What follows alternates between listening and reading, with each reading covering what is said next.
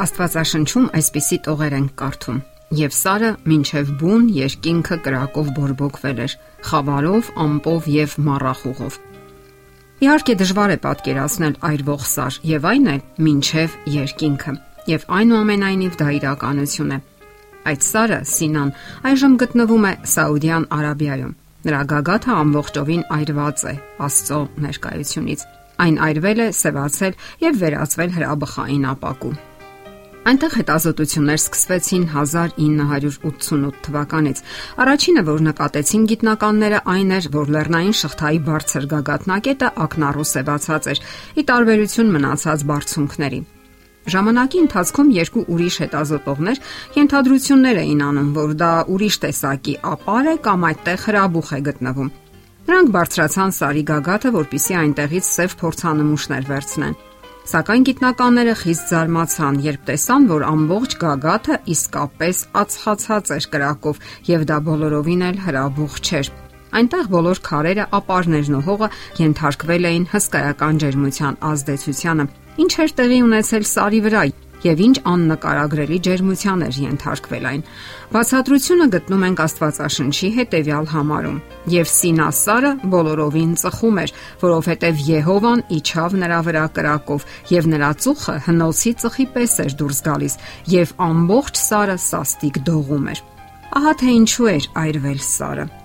ուսումնասիրելով այլ քարերի եւ փորձանմուշների մշակման ու ստեղծման մեխանիզմները, կարելի ասել, որ Սինաս սարի նմուշները որևէ այլ բացատրության չեն ենթարկվում, բացի միայն այն, որ այնտեղ այդ ամենը տեղի է ունեցել Աստծո ներկայության հետևանքով։ Հարցն այն է, որ երբ ուսումնասիրում են Սինաս սարի գագաթից ավելի ներքև գտնվող քարերի նմուշները, նկատվում է, որ նրանք ծածկված են ինչ որ հալված շերտով, իսկ ներսում արդեն ոչ համասեր զանգված է։ Իսկ ահա լեռան ստորոտին հողն ու քարերը բնական գույն ունեն եւ ոչնչով չեն տարբերվում մյուս գագաթների նմուշներից։ Դա նշանակում է, որ գագաթի վրա քարերը ենթարկվել են աննկարագրելի բարձր ջերմության, վերածվելով համասեռ հրաբխային ապակու։ Գիտնականները այն եզրահանգմանն են գալիս, որ Սինաս սարի սևացած գագաթը սև քարեր չեն եւ ոչ էլ ապարներ, այլ հետևանք են սարսափելի բարձր ջերմության, որին ենթարկվել է այդ սարը։ Սարի այդ ածխացած գագաթը միակն է այդ շրջանում եւ ուրիշ ոչ միտեղ չի հանդիպում նման բան։ Սա նշանակում է, որ միանգամայն ճիշտ է Աստվածաշնչյան պատմությունը այն մասին, որ Աստված իջավ Սինաս սարի վրա եւ Մովսեսին տվեց 10 պատվիրաններ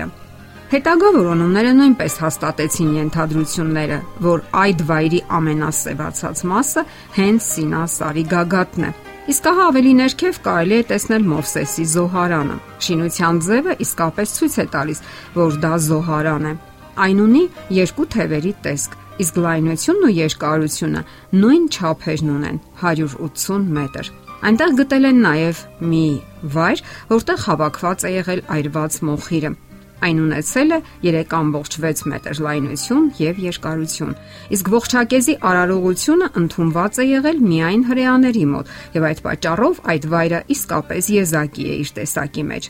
Դե ի՞նչ, այս ամենը ապացուցում է, որ Աստվածաշնչում նկարագրված երևույթները ճշմարտացի են Բնականաբար ճշմարտացի է նաև Աստվածաշունչը։ Պատմական այս փոքրիկ ճանապարհորդությունը մեզ այլ մտորումների տեղիք է տալիս։ Մեր երկիր մոլորակի ներկա վիճակի եւ ապագայի մասին մտորումների։ Ինչ է սպասվում մեզ ապագայում։ Մեկ ուրիշ ճանապարհորդություն կատարենք եւ նայենք մեր հիասքանչ երկիր մոլորակին տիեզերական անսահմանությունից։ Բիլ Անդերսը եւ Ապոլլոն 8 տիեզերանավի անձնակազմի իր ընկերները հմայված նայում էին երկիր մոլորակին։ Այնքան գեղեցիկ էր երկիր մոլորակը, սակայն դա ոչինչ էր երկրի նախնական գեղեցկության համեմատ, երբ հրեշտակները սրտի թրթիռով եւ հուզմունքով էին նայում, թե ինչ գեղեցկություն է դուրս գալիս Աստծո արարչագործ ձեռքերի տակից։ Այն պարզապես կուրացուցիչ գեղեցկություն ուներ, փոքրիկ մի գնդիկ, կապույտ կանաչ եւ սպիտակ գույներով տիեզերական անսահմանության մեջ։ Սակայն շատ ավելի հետաքրքիր էր այն փաստը, որ Աստված մեր աշխարհում ստեղծել էր հավասարակշռված էկոլոգիական ներդաշնակություն, որpիսի այդ աշխարհը դառնա հիասքանչ տուն Աստծո պատկերով եւ նմանությամբ ստեղծված էակների համար։ Այդ հրաշալի արարչագործության մի հատվածում ապրում էին Ադամն ու Եվան։ Նրանք այդ զարմանալի աշխարհի վեհ եւ խելացի կառավարիչներն էին եւ վայելում էին դրախտային կյանքը իր ողջ գեղեցկության մեջ։ Սակայն ժամանակի մի պահի Սատանան խաթարեց այդ ներդաշնակությունը։ Նա իր դիվային հետքը թողեց Աստվածային արարչագործության վրա եւ նրան ժամանակավորապես թույլ տրվեց կատարել իր սև աշխատանքը։ Նա մթագնեց նաև մեր հարաբերությունները մեր արարիչ Աստծո հետ, միմյանց հետ եւ անգամ բնության հետ։ Հայտնվեցին առաջին փշերն ու տատասկները, ինչպես նաև հարաբերությունների անհավասարությունն ու առաջին զոհերը։ Ու թեպետ դա մարդու ազատ կամքի ընտրությունն էր, Աստված թույլ չտվեց, որ իրերի ու երևույթների այդ վիճակը երկար շարունակվի։ Իր անհավանական սիրո եւ անսահման ողորմածության մեջ նա արդեն ուներ փրկության ծրագիրը, որpիսի վերականգնի այն հիասքանչ աշխարհը, որ ստեղծել էր։ Ստեղծի նոր երկիր ու նոր երկինք, ուր այլևս չի լինի մահ, տարապանք, վիշտ ու լաց, որովհետև առաջինները անցան մենք անգամ չենք կարող պատկերացնել, թե ինչ հիասքանչ երկիր է հառնելու կրակի մոխիրների միջից։